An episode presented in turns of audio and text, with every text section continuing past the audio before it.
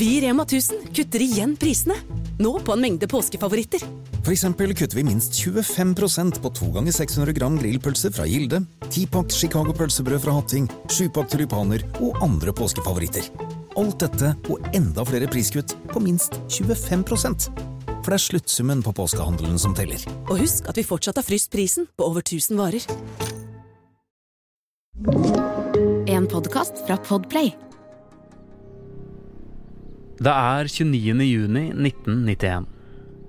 En nydelig sommerdag i den lille byen Niagara on the Lake i Canada. Ut fra byens kirke skrider et helt nysmidd ektepar. De stopper på kirketrappen og kysser til jubel og riskasting fra gjestene. Den flotte bruden er kledd i en overdådig bløtkakekjole, med slør og tyll. Og de hvite blomstene i brudebuketten matcher den kjekke brudgommens knappehullsblomst. Paul og Carla, de lykkelig nygifte, blir fraktet til festlokalet i en eventyrlig hestevogn à la Disneys Askepott. Og nå skal de spise, synge, holde taler og feire seg selv sammen med venner og den nærmeste familien. Cirka to mil unna, akkurat den samme dagen, finner to kanopadlere tilfeldigvis en sementblokk med en kroppsdel støpt oppi liggende i fjæra. Etter hvert finner politiet resten av kroppsdelene. Til sammen åtte stykker. Og drapsalarmen går. Er en seriemorder på ferde? Kan det være den beryktede The Scarsborough Rapist som har begynt å drepe? På dette tidspunktet vet verken politiet eller bryllupsgjestene at det nygifte paret har 18 voldtekter og flere torturdrap på samvittigheten annet på brudens egen lillesøster. Og mens de festkledde skåler for Carla og Pauls lykke, lemper politiet de sementerte bitene med likdeler opp fra elva. Og drar for å gi et par foreldre den grusomste beskjeden det går an å få.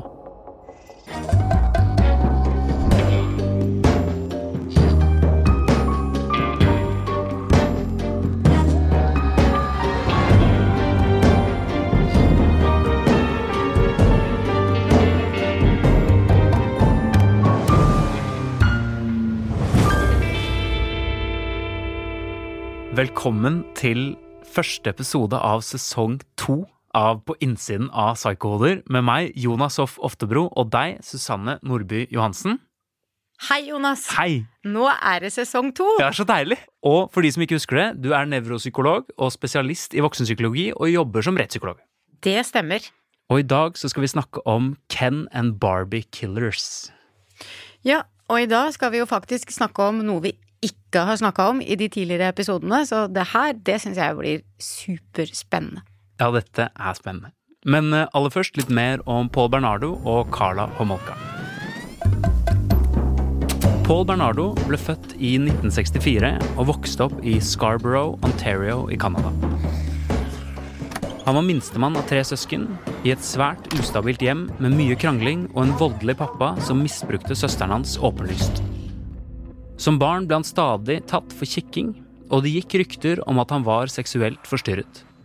Noe som gjorde at mange jevnaldrende holdt seg unna. Som ungdom klarte han å skape seg et mer vellykket image. Han ble speider, jobbet som livredder, trente karate, og han var utadvendt og populær hos jentene. Men da han var 16 år, fikk han vite at han var resultatet av en one night stand og frem til han møtte Carla Homolka i 1987, slet han mye psykisk. Spesielt med kjærestebiten. Carla Homolka ble født i Ontario, Canada i 1970 og vokste opp som storesøster i en tilsynelatende god og stabil familie. Da hun var 17 år, traff hun fem år eldre Paul Bernardo, som like før hadde begynt å overfalle og voldta unge jenter, og etter hvert fikk tilnavnet The Scarborough Rapist. I løpet av tre år ble 17 unge jenter ofre for mer og mer voldelige overfall. Og i 1990 fikk politiet endelig laget en fantomtegning som førte til at Paul ble tatt inn til avhør og DNA-testing. Men den sjarmerende fyren ble raskt sluppet ut. Julen 1990 begikk Paul og Carla sitt første drap, på hennes lillesøster. Og da paret giftet seg et halvt år senere, hadde de tatt livet av nok en ung jente som ble funnet oppdelt og i sementblokker i en elv. Etter enda et drap begynte det å knirke i ekteskapet, og Pauls ustabile humør begynte å gå utover kona. Det endte med at hun anmeldte Paul til politiet for mishandling, og da dukket DNA-testen fra tidligere opp. Som politiet nå fikk matchet til en haug av overfall og tre groteske drap. Carla bedyret sin uskyld. Men da politiet fant videotaper som paret hadde laget under mishandlingen av ofrene, inkludert Carlas lillesøster, ble det tydelig at de hadde vært sammen om å både misbruke, drepe og lemleste. Paul ble dømt til livstid og sitter i Millhave Institution, mens Carla fikk tolv års fengsel. Hun er ute nå, hun har giftet seg på nytt, har fått tre barn, men lever i dag alene i en liten by i Canada.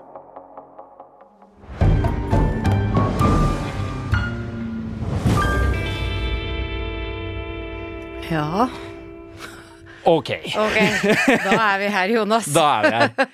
I dag så skal vi jo snakke om to mennesker Ja. istedenfor én. Og vi pleier å ha en oppvekstdel. Men jeg har litt lyst i dag å hoppe litt mellom de to. Og så har jeg lyst til å starte med Carla Homolka, hvis det er greit. Det kan vi. Og rett og slett fordi det er ikke så mye om Carla Homolka. Nei, ikke annet enn at hun vokste opp i en fin, eh, harmonisk familie som var sammensveiset. Så er det lite bakgrunnshistorie om henne, hvem hun var, hva, om det hadde skjedd noe med henne når hun var eh, yngre. Eh, Det er det ikke, jeg har ikke funnet noe informasjon, i hvert fall. Nei, ikke så tilsynelatende en lykkelig, flott barndom, da. Ja, altså Det eneste jeg har funnet, og som jeg har lyst til å spørre deg om, er at når hun blir tenåring, så får hun en sånn fascinasjon for det okkulte. Uten at det trenger å være noe sånn farlig, egentlig, men hun blir liksom interessert i hekser og død. Og hun eh, overtaler en venninne som har mistet katten sin, om at de skal grave opp katten så hun får se på det døde dyret. Det syns jeg er litt rart. Det er jo litt spesielt. Og vi har jo snakka en del om tidligere at seriemordere har, og de som er psykopater, når vi går tilbake i barndommen, så er de grusomme mot dyr. Kanskje dette er jentemåten å si at jeg, jeg er litt interessert i døden, jeg har lyst til å se det litt sånn groteske, det Ja. morbide, eh, noe okkult er jo også litt sånn morbid, litt på kanten, kan være da. Det er jo Ja. masse, masse okkult som overhodet ikke er, eh, er det. Men hun er jente, eller kvinne, og hun er annerledes enn menn. Vi skal jo se litt videre hva, hva Carla kan vise oss underveis, Ja. så det er ikke sikkert at hun er så myk allikevel. Nei, nei, absolutt ikke. Nei. Men jeg lurer på, når hun faller inn i en sånn eh, fascinasjon, trenger det å komme av noe? For det virker jo som hun har hatt en så fin barndom. Så jeg tenker på en måte at hvordan fant hun det da? Hvordan fikk hun den interessen? Hvis det kommer fram i ungdomstida, så skjer det jo veldig mye i ungdomstida til eh, eh, alle, for så vidt, også gutter og jenter. Men eh, sånn eh, Det å utforske, det å, å prøve å finne ut av, eh, det å lære seg forskjellige sider av livet, altså det er jo en del av en utvikling som vi har alle sammen. Så du skal ikke se bort ifra at det at hun kanskje har en fascinasjon for det, at det ligger noe i henne som kanskje ikke ligger i alle andre. Og det tror jo jeg. Når vi blir litt bedre kjent med Carla etter hvert, så tror jeg faktisk det ligger mye mer der. Eh, Og kanskje denne veldig flotte barndommen har eh, dekt over hva som egentlig lå der. Jeg, jeg vet ikke, hun er eh, ganske interessant faglig. Spennende. Mm. Ok, vi hopper over på Paul Bernardo. Paul Bernardo har jo en litt mer klassisk historie ut ifra det vi pleier å snakke om. Han er vokst opp under ganske kjipe vilkår. Faren som han vokser opp med, er jo em, pedofil og incestiøs og forgriper seg rett og slett på søsteren hans. Mm. Og driver også med titting. Og mammaen står og ser på og gjør ingenting og griper ikke inn. Det betyr jo også at hun har jo vært en ikke veldig ok rollemodell for han. Nei. Mm. Når ikke hun har egentlig beskyttet han. Så han har jo egentlig ikke hatt noen foreldre som har beskytta han i det hele tatt. Og det er jo ganske spennende fordi han utvikler seg til å bli en dominant fyr. Mm. Han har et sånt enormt behov for kontroll og dominans overfor andre mennesker. Mm. Kommer det av det? Det tror jeg. Ja. Han var jo nødt til å ta kontroll over følelsene sine når han vokste opp. Hvis Ja. du skal klare å være vitne til det han var vitne til hjemme, og klare ikke minst å forholde deg til at når du er 16 år, så forteller mammaen din at du bare er et resultat av en eller annen one night stand. Den faren som du er vokst opp med, eh, og mamma har aldri fortalt, det er bare, alt er bare løgner. Det står jo litt om at han fikk litt psykiske vansker, men ikke noe særlig mer enn det heller. Nei. Men hvis man leser litt dypere i det, så var jo det den perioden også, når etter at han fikk vite om denne pappaen, som ikke var pappaen, da begynte han jo med litt sånn pyromani og sånn. Så da begynner han å ligne på en del av de andre seriemorderne som, eh, som vi har snakka om. Og så var det jo ikke bare det at han hadde Du nevnte i stad at han hadde litt utfordringer med kjæresteforholdene. Ja. Det var jo ikke bare det at han hadde problemer med kjæresteforholdene. Nei. Han begynte jo allerede da å være veldig voldelig.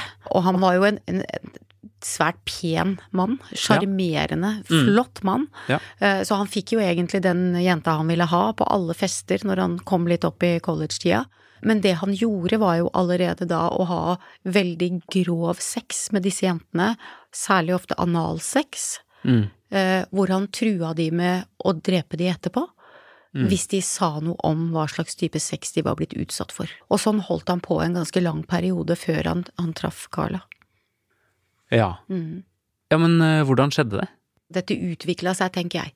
Ja, ikke sant? Det utvikla seg fra pyromani, og så begynte han å eksperimentere med en side av seksuell vold, eh, som vi kanskje skal komme litt tilbake til hva egentlig dreier seg om litt seinere i podkasten. Ja, for dette har jeg lyst til å prate litt om. Det at det eskalerer. For jeg lurer på med Paul Bernardo om han er eh, sosiopat eller eh, psykopat. Og nå kan det hende jeg snubler og tar feil, for jeg har jo trodd at eh, psykopaten, det er medfødt, og sosiopaten, det blir du. Mm. Og så har jeg tenkt at han kanskje var sosiopat, fordi han virker for meg litt sånn impulsiv, det trapper seg opp. Jeg tror han har mer kontroll enn som så, jeg. Ja. Ja. Jeg tror han er faktisk en av de mest kalde og kyniske personene som vi kommer borti, og har vært borti så langt i den podkasten her. Kan jo hende vi dukker om noen andre spennende etter hvert, men Paul er av de mest kalde og kyniske, og jeg tror han ble født sånn. Jeg tror han har med seg noe genetisk. Ja, fordi Ja. før han møter Carla, så begynner han jo å eh, voldta jenter, Mm. og det er brutale overfallsvoldtekter. Mm. Og i motsetning til andre folk vi har snakket om tidligere, så syns jeg at han skiller seg eksempel fra Ted Bundy, fordi for Ted Bundy så opplever jeg at det handler om sexen. Det handler om tilgang på sexen. Mm. Men det opplever jeg egentlig ikke at det handler om for Paul Bernardo. Det handler ikke om sex i det hele tatt. Jo, altså jo da, det handler jo om sex, han gjør jo en seksuell handling. Men jeg tror jo han gjør den seksuelle handlingen fordi han ønsker å skade noen, fordi at han liker å skade noen, og han nyter å skade. Og da har vi flytta oss fra psykopaten og over på sadisten. På sadisten. Mm. Hva er en sadist? En sadist, det er en som eh, liker å skade noen, eh, og nyter å skade noen, og får glede av å skade noen andre. På mm, mindre pene måter, selvfølgelig, da. Det kan være seksuelt, altså seksuell vold eller seksuell tortur, som for eh, sadisten gir seksuell nytelse, eller det kan være at de torturerer og påfører skade fordi de får glede av å skade andre. De nyter det bare, men det har ikke noe seksuelt det, noe, det gir ikke noe seksuell utløsning, sånn som vi har snakka om flere som har sett Ja. vold hvor de har fått automatisk utløsning. Det, det er ikke sånn med sadisten. Nei, fy faen, så jævlig. Altså, um, jeg leste i researcharbeidet til dette om at han hadde uh, gjort en overfallsvoldtekt, og så hadde han løpt og gjemt seg, og ventet til jenta på en måte reiste seg opp og skulle til å rope om hjelp, og så overfalt henne igjen. En gang til. Og da handler det, da handler det om overfallet, Mhm. Det handler om den volden han kan påføre henne for at han skal synes at det er greit for seg sjøl. Det gir han glede å se at hun har vondt, og kanskje hun da ikke fikk nok vondt, så da skulle han påføre enda mer smerte. Altså, dette må være en av de verste personlighetsforstyrrelsene vi har snakket om. Sånn Det er jo ikke noe personlighetsforstyrrelse. Det er ikke det, nei. Nei, det er ikke noe egen personlighetsforstyrrelse. I diagnosesystemet vårt i dag så vil han bli plassert under antisosial personlighetsforstyrrelse, som vi har snakka om flere ganger før. Vi har ikke noe egen diagnose for sadist. Men hvordan utvikler man seg til å bli en sadist? Ja, det, jeg tror jo at dette her har jo utvikla seg over år med han, men at han har en eller annen genetisk eh, predisposisjon i bånn, som det heter. Og så har han jo blitt formet av det han har sett hjemme. Han har jo sett på at far har lemlestet søsteren. Eller altså den som han trodde var faren. At han har utsatt henne for seksuelle eh, overgrep gjentagende. Hvor han har blitt tvunget til å se på. Og hvis hvis ikke han hadde syntes at dette var litt greit å se på, så hadde han vel kanskje gjort noen ting for å slippe unna. Men han Ja. gjorde jo ikke det heller. Han så jo på det. Og han fikk vel en eller annen form for nytelse allerede der. Sånn at du kan jo si at eh, han er forma, for jeg tror jo ikke at det er bare gener Nei. eller bare miljø. Den store arv-miljø-debatten, den, den kommer vi jo aldri til bunns i. Da, hvis vi skulle klart å få fiksa det her, Jonas, så tror jeg vi ville fått Nobels fredspris, eller. Nobelsprisen eller noe sånt. Ja. Hvis vi hadde løst den gåten. Det er det jo ingen som har gjort, Nei. ikke sant. Eh, Så han har nok en predisposisjon, for noen som er vitne til sånt, de blir jo psykisk syke og tar det inn over seg selv, og får eh, en traumer og har det forferdelig grusomt. Han har jo ikke det. Nei. Nei, han utvikler seg jo i den prosessen, sånn at han må ha hatt en predisposisjon som gjør at han klarer å se på det, og etter hvert så får han også da nytelse av det. Og så viderefører han det jo sjøl. Han begynner jo å eksperimentere. Ja, setter på fyr, ser, Mm. sant. Skal ikke se bort fra at han har drept dyr også. Det veit vi jo ikke noe om. Nei. Det står det ikke noen plass.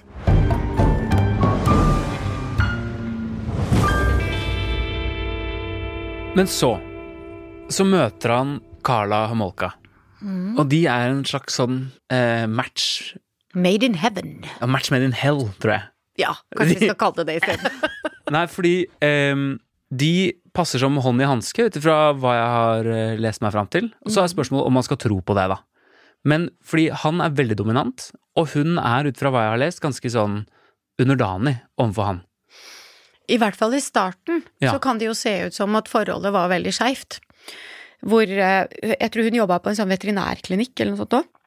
Det er jo flere som er blitt intervjua på disse seriene som jeg har sett, og det som jeg har lest om, hvor de forteller at hun kom på jobben med blåmerker, at han faktisk var voldelig mot henne også, og at hun måtte kle seg spesielt etter hvert. Mm. Hun fikk etter hvert ikke lov å kjøre til jobben selv, han måtte kjøre og hente henne. Ja. Og da er vi jo på en kontrollerende psykopat, Ja, og det er jo funnet noen eh, bøker som hun har hatt hvor det er skrevet 'jeg må gjøre som Paul sier', Mm. 'jeg må oppføre meg sånn', 'jeg må kle meg sånn fordi Paul vil det'. Ja, og jeg har en liten twist på det, Ja. litt seinere i podkasten kanskje. Vi kommer tilbake til det litt seinere i podkasten. Men først må vi prate om det at um, for det første så vet hun jo om at han overfaller og voldtar jenter. Mm. Hun ser jo på. Hun ser Hun på, er jo der. og hun godtar det. Mhm. Og i tillegg, etter hvert, så begynner hun også å få jenter med hjem til dem. Og de doper ned og overfaller en kollega av henne, som klarer å rømme. Men så er det en stor debatt i Paul og Carla sitt liv. Det er at hun var ikke jomfru når de møttes. Så han føler at hun skylder ham en jomfrudom. Og da har han pekt seg ut et offer, og det er hennes lillesøster. Ja, og hun ga jo gladelig vekk lillesøstera si, for Da- å si det sånn. Men der må du jo ringe en bjelle, eller Ja, der eh, ringer jo tvisten min eh, ganske heftig, fordi at Ja. jeg tenker at eh, Altså, dette skjedde jo veldig tidlig i deres parforhold, egentlig. Men allerede der så burde det ringe noen bjelle om at uh, det er ikke bare Paul som syns at dette er ok. Carla er med på dette her, hun òg. Ja. Og hun syns også at dette er ok. Hun gir jo bort søstera si, og Ja. sier det er helt greit at du har sex med min lillesøster. Og hun var jo med på å bedøve henne. Hun hadde vel stjålet noe som bedøvelsesmiddel som de bruker til hest fra Mm. veterinærklinikken. Og det er jo mest sannsynlig det som gjorde at, eh, at hun døde, at det ble for mye bedøvelsesmiddel. At ikke de helt hadde kontroll på det. Men hun gir jo bort lillesøstera si til en som hun vet ikke er veldig eh, Hva skal vi kalle det? Eh, snill og grei i senga. Ja. Ja. Ja, for her har jeg et eh, todelt spørsmål. Fordi de prøver jo å voldta lillesøsteren hennes først én gang. Doper henne ned, får det ikke til. Våkna vel, gjorde hun ikke det? De hadde gitt for lite. For lite mm. hestedop. Eh, Så de prøver igjen et halvt år senere, og da har Carla bestemt seg for at hun skal gi lillesøsteren i julegave til Paul. Eh, de doper henne ned. Denne gangen er det masse dop, og hun kveles og dør. Mm. Men de forgriper seg på henne underveis, Og de gjør det i huset mens foreldrene hennes er der. og de filmer det. Og de filmer det, noe de gjør hele veien. Men spørsmålet mitt er, tror du de mente å drepe henne, og er det sånn at dette med overfall alltid kom til å lede til mord? Hvis du ser på historien til Paul, med alle voldtektene Han drepte ingen. Ikke før Carla. Nei. Nei. Nå kommer tvisten. Kom med tvisten. Kom med tvisten. Ja, vær så snill. Ja. Hele denne historien bærer preg av at eh, Carla er vel så psykisk syk. Ikke psykisk syk i den forstand at man skal unnskylde det hun har gjort, men eh, at hun har absolutt trekk av sadisme, hun også. Og jeg tror at hun har tatt kontrollen etter veldig kort tid. Ja.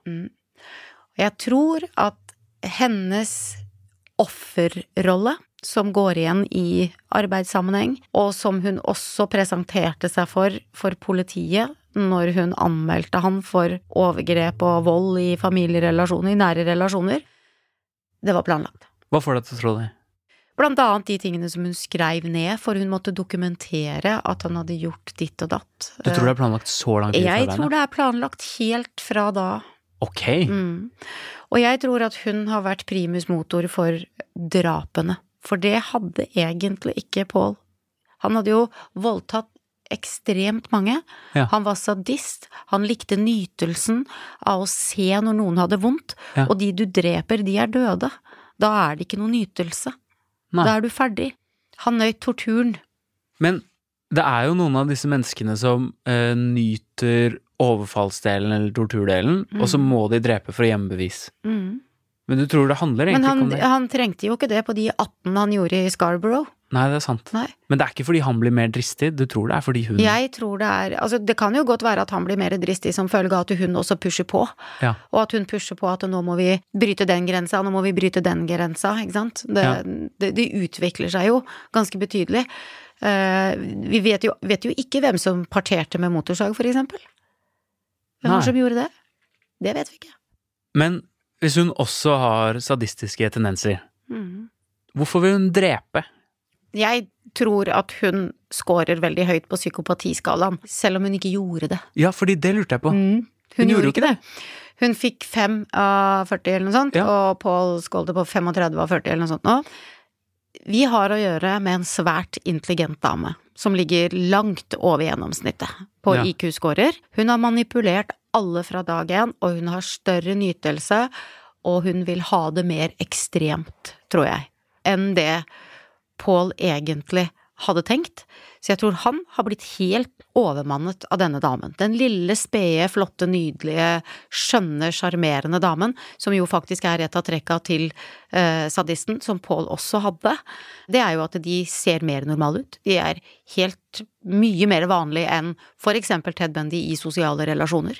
For de er så hyggelige, de er så imøtekommende. Flotte fester, flotte sosiale relasjoner, oppfører seg veldig, veldig pent. Ja, for hun har jo noen iskalde trekk. Altså som når søsteren har dødd, så er det hun som ringer politiet og forteller at søsteren er blitt kvelt. Eller hun har kastet opp og blitt kvelt og dødd Vet et Hun har jo ingen empati, Jonas. Og mens politiet er der, så eh, vasker hun jo søsteren. Mm. Og så tar hun klærne og slenger i vaskemaskinen. vaskemaskinen. Hun skjuler jo spor rett foran politiet. Hvor Ja. kaldt er ikke det, da? Og to uker etterpå Og hvor var Pålen da? Han var ikke der, han da? Nei, han, grå, han gråter jo Jeg tror du må høre på meg, for jeg tror denne damen er verre enn det du tror. Jeg tror ikke du skal tenke at han Pål er så ille, altså. Jo da, Jo da. han er veldig ille, han òg. Men jeg tror denne damen har hatt en klo over han som ingen har skjønt. Kronemarked hos Bar. Nå har vi en mengde varer til 10 og 20 kroner. Hele denne uka får du løbiff fra Folkets før 54,90, nå kun 20 kroner. I tillegg får du et utvalgt Vasa knekkebrød, før fra 16,90, nå bare 10 kroner. Alltid tilbud på noe godt. Hilsen oss i Spar.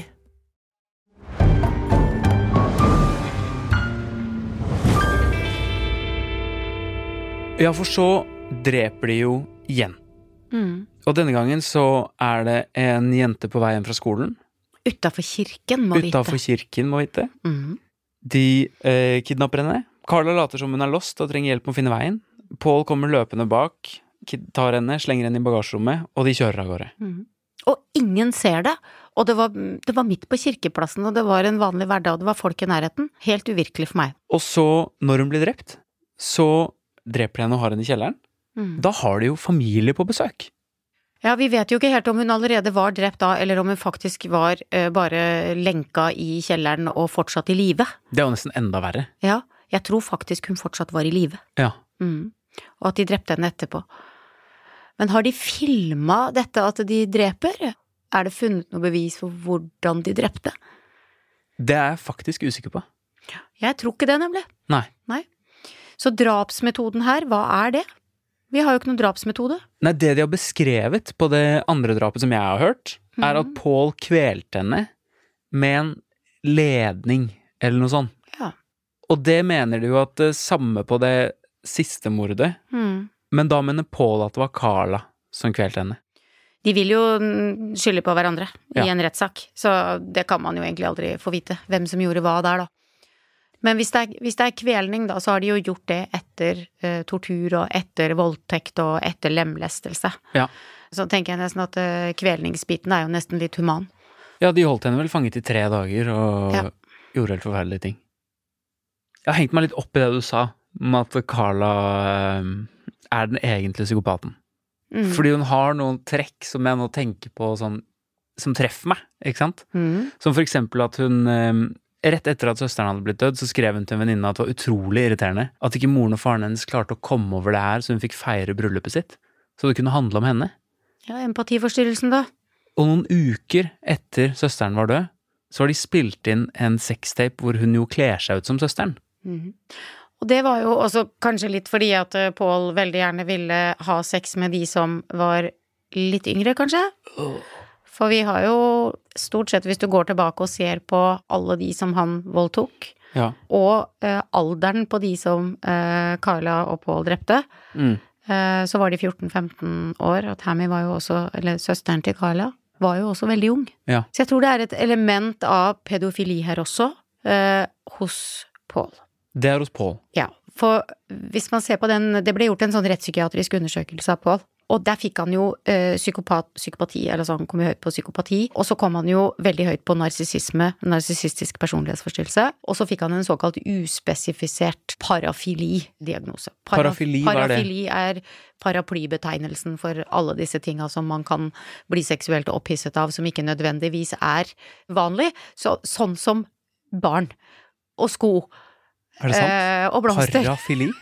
Det heter parafilier. Parafili er sånn Det er, Han tenner på Ja, Mye. Det er underkategorier av hva du kan tenne på. Ja, folk kan jo tenne på masse forskjellig. Ja, men, det, Men vanligvis så får man jo én, men han fikk mange Nei, han fikk uspesifisert. Oh, ja. Det vil si at- altså, det er en sånn restkategori, sånn diagnostisk sett, som, hvor de egentlig ikke klarer å sette helt fingeren på det. Hva er dette her? Nei. Men for meg så må det ha handlet om uh, en eller annen tilbøyelighet til i hvert fall pedofili, fordi de var jo 14-15 år, de var unge. Men det er grader i pedofili også, i diagnosen. For det er jo noen som bare tenner på prepubertale barn. Ja. Prepubertal, da blir du sånn 10-11 før du begynner å få pupper og utvikle genitalia ordentlig. Ja. Og disse jentene på 14-15 år, de er jo kommet litt over dette her. Ja. De er kommet litt over den grensa, men de er allikevel under den seksuelle lavalder, så det må ha vært noe knytta til det at de måtte være yngre. Og han fikk da Carla til å kle seg ut som yngre. Han ville gjerne ha sex med den yngre søsteren, så det er noen ting der som eh, ikke, ikke helt eh, klinger bra, da. Så den uspesifiserte diagnosen han fikk, tror jeg handler om det, da. Sjukt. Ok, må Både narsissisme, sadisme, pedofili. Ja. Det er mange, altså mange filier, Mange filier og ismer i det her. Ja, det er det. Men Men det var Pål. Hva med ja, det er det. Og så er det to av dem òg. Ja, det er to av dem Han sammen. tunga rett i munnen, det her. Ja da.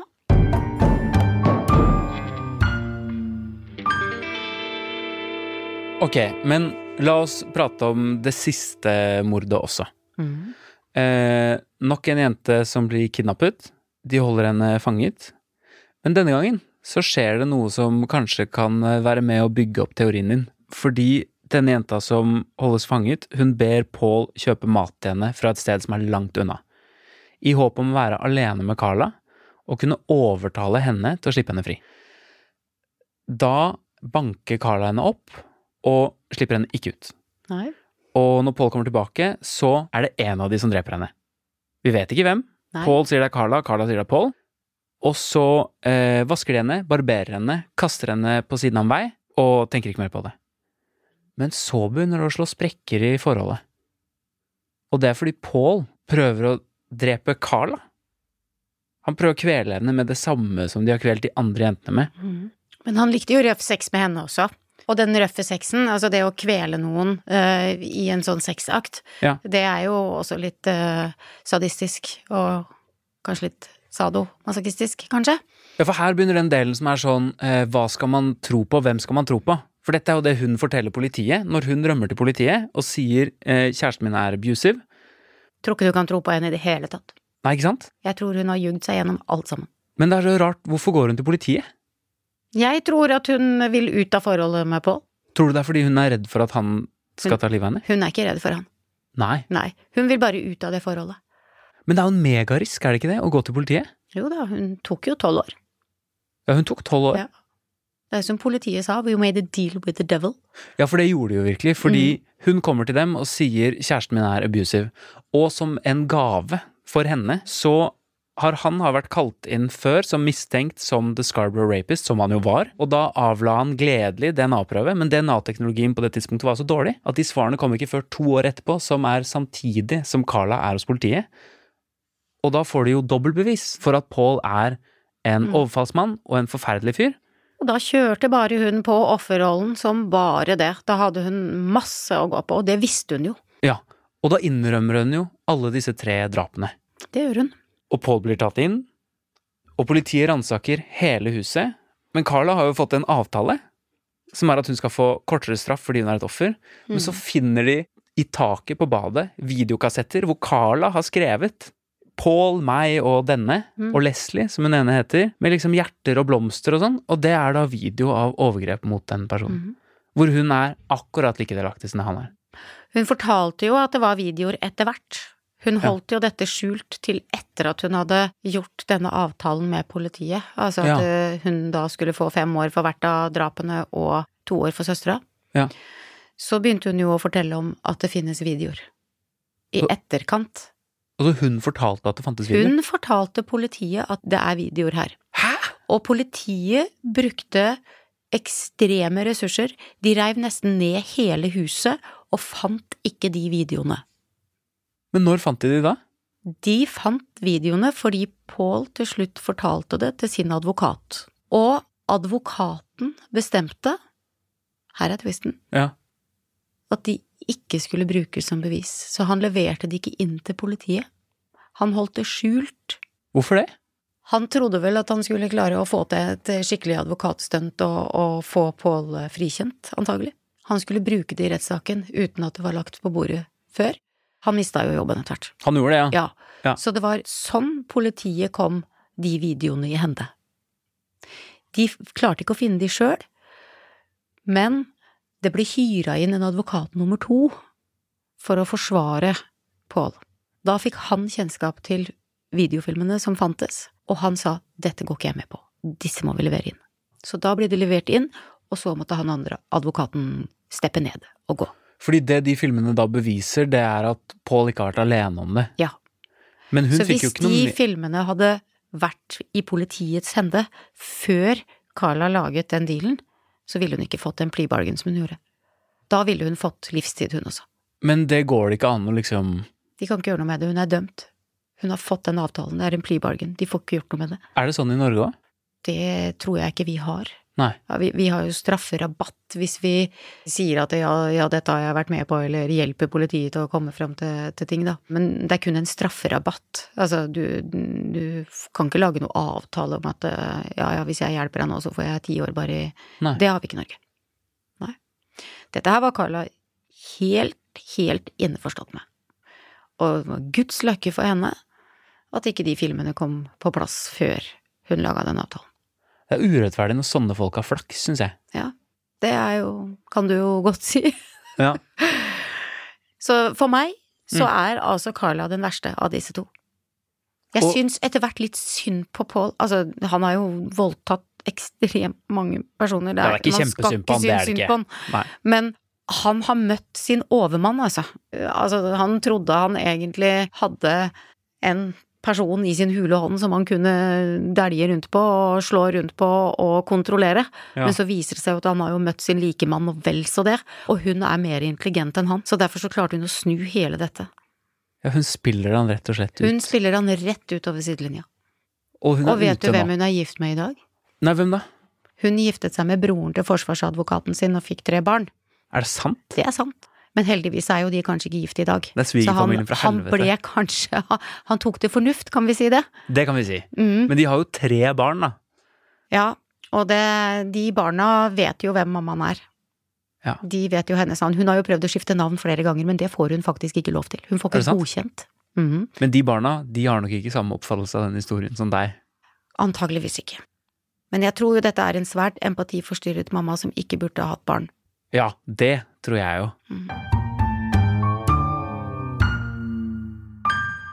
Hva er sjansene for at to sånne mennesker møtes? De må være utrolig, små. Utrolig små, kanskje.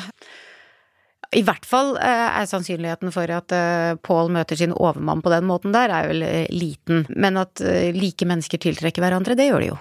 Altså, det vet vi jo. Altså, parforholdsmessig så er det jo likhetstrekk ved mennesker som gjør at de tiltrekker seg hverandre. Liker de samme tinga, men dette paret her liker jo å drepe, da, og Ja. skade folk. Ja, det er det. Ja. Så det er jo ikke så unaturlig at eh, like barn leker best, er det vel noe som heter. Og hva tror du ville skjedd hvis eh, de to ikke hadde funnet hverandre? Altså, han var jo allerede en overfalls-voldtektsmann. Mm. Tror du han hadde begynt å drepe? Han hadde voldtatt veldig mange. Ville tenkt at kanskje han hadde drept før da. Ja. Siden han ikke hadde gjort det på 18 stykker, så utvikla det seg ikke til noe særlig mer, sånn som vi har sett i de andre sakene. Sånn at det har nok Carla bidratt med, eh, tenker jeg. Eh, Hvis hun ikke hadde møtt Paul, så er jeg heller overbevist om at hun hadde funnet en eller annen som eh, hun kunne utøve vold og være eh, sadist mot, og at hun også er psykopaten i dette, altså. Ja. Og hun ville funnet en som hun kunne ha makt over. Ja, kanskje ikke drap. Og at det at han var så fascinert av eh, vold, tortur eh, og smerte, smittet over på henne. Og med den lille empatiforstyrrelsen så ble hun jo i hvert fall ikke støtt av det. Heller motsatt, kanskje. Ja. Mm. Ok, vi må gå på en oppsummering. Hva kan vi lære av Paul og Carla? Er det noe sånn Har vi lyst til å lære noe av Paul og Carla? Vi har jo ikke det. vi har jo egentlig ikke det. Men eh, Nei, kan man se synes- etter noen sånn red flags hos folk, Nei, da? og det er jo det som er det veldig, veldig vanskelige med det her. Nå har vi jo snakka om red flags med psykopater og narsissister og Ja. hyggelige og over strømmen og sånn, men de har jo glitcher som regel. Ja. Hvis vi kaller det glitcher, da. Ja, ja. Enig. Ja. De stirrer veldig mye. har eller ikke det. Nei. De oppfører seg jo helt flott og er ofte bedre i sosiale sammenhenger enn det de som bare bare er psykopater og narsissister er. Og de har selskaper, altså du, du ville ikke, ikke kjent igjen naboen din her, Jonas. Shit. Dessverre. Jeg tror nok at de her går det flere av på jorda enn det vi er klar over. Har vi navnet på noen eh, andre? Jeg har ikke noe navn, Nei. Men jeg vet at det er en sak her i Norge. Ok. Eh, Den er noen år tilbake, men ikke veldig mange år tilbake, hvor det var en eh, prest som ble tatt for overfall eh, og voldtekt. Overgrep på barn. Ja. Og han viste seg å ha veldig sadistiske trekk. Å, fy faen. Han var prest. Jeg skjønner. Er det noe man kan kjenne seg Fæl sak. Er det noe man kan kjenne seg igjen i, da? Ønske om å ha en fin fasade. Ja. Ønske om å ha et fint ekteskap, eh, Askepott-bryllupet, Ja. et pent par utad. Ja. Ja. Finne en du deler det. interesse med. ja. En som kan få fram det beste i deg. Mm. Eller verste. Eller eller verste. Det er en merkelig sak. Det er i hvert fall en annerledes sak, fordi jeg tror også at to mennesker, når de jobber sammen, så er det nok sånn at man tøyer grensene mer Ja, det sånn. enn det en aleine ville gjøre. At man kanskje da, når man er to, så tør man å stå i den og tøye den grensa lenger, da. Eh, Så det er jo ikke akkurat gunstig at de to møtes. Avslutningsvis, de ble jo kalt The Ken and Barbie Killers. Mm. De var veldig pene og attraktive mennesker, begge to. Veldig. Tror du det har hjulpet dem? Det har vel kanskje hjelpa Carla. Det spørs hva du mener med å ha hjulpet dem. Altså til å utføre handlingene sine. Ja, vi, vi, vi appellerer jo Altså pene mennesker blir vi tiltrukket av. Og vakre utseende, klær, folk som stråler ut, eh, flott. Ja, det er klart vi blir tiltrukket av det. Og at det har hjulpet dem i å få tak i ofrene sine. Og det har helt sikkert hjulpet Paul i alle de sammenhengene som han forgrep seg på jenter eh, i eh, skoletida si også. Så det har vært med å hjelpe dem. Absolutt. Ja, nei, jeg syns det er en Det er en veldig spennende sak. Fordi de er to stykker, så skiller de seg så veldig fra de andre. Men hva er det du syns er så veldig annerledes her, da?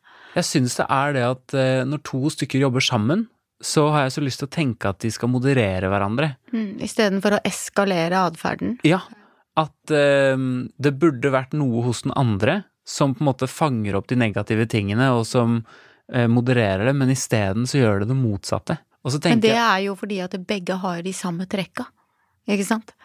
Ja, Hvis Carla ikke hadde hatt de samme eh, sadistiske trekkene og empatiforstyrrelsen, så ville hun jo aldri fortsatt å være i det forholdet.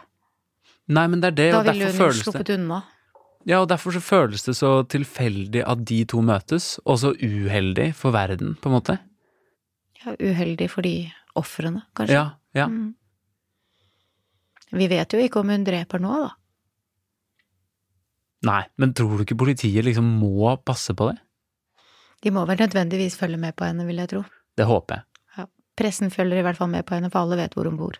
Ja, og vet hva hun heter, da, åpenbart. Mm. Ja, for hun får ikke lov å skifte navn. Takk Gud for det. Mm. Nei, Susanne, det har vært en eh, utrolig gøy episode. Det har det. Jeg gleder meg til neste Faglig uke. veldig spennende, syns jeg, når vi får snakke om dette her. Ja, det dette syns jeg liker òg. Ja. Dette har jeg likt. Og så håper vi at eh, du vil følge med i neste episode. Da skal vi snakke om Robert Durst, kjent fra TV-serien The Jinx, Mm. som faktisk er min eh, favoritt true crime-serie. Så hvis du ikke har sett den, så anbefaler jeg at du gjør det. Den ligger på HBO. Tusen takk for i dag, Vi høres. og tusen takk til deg som har lyttet på.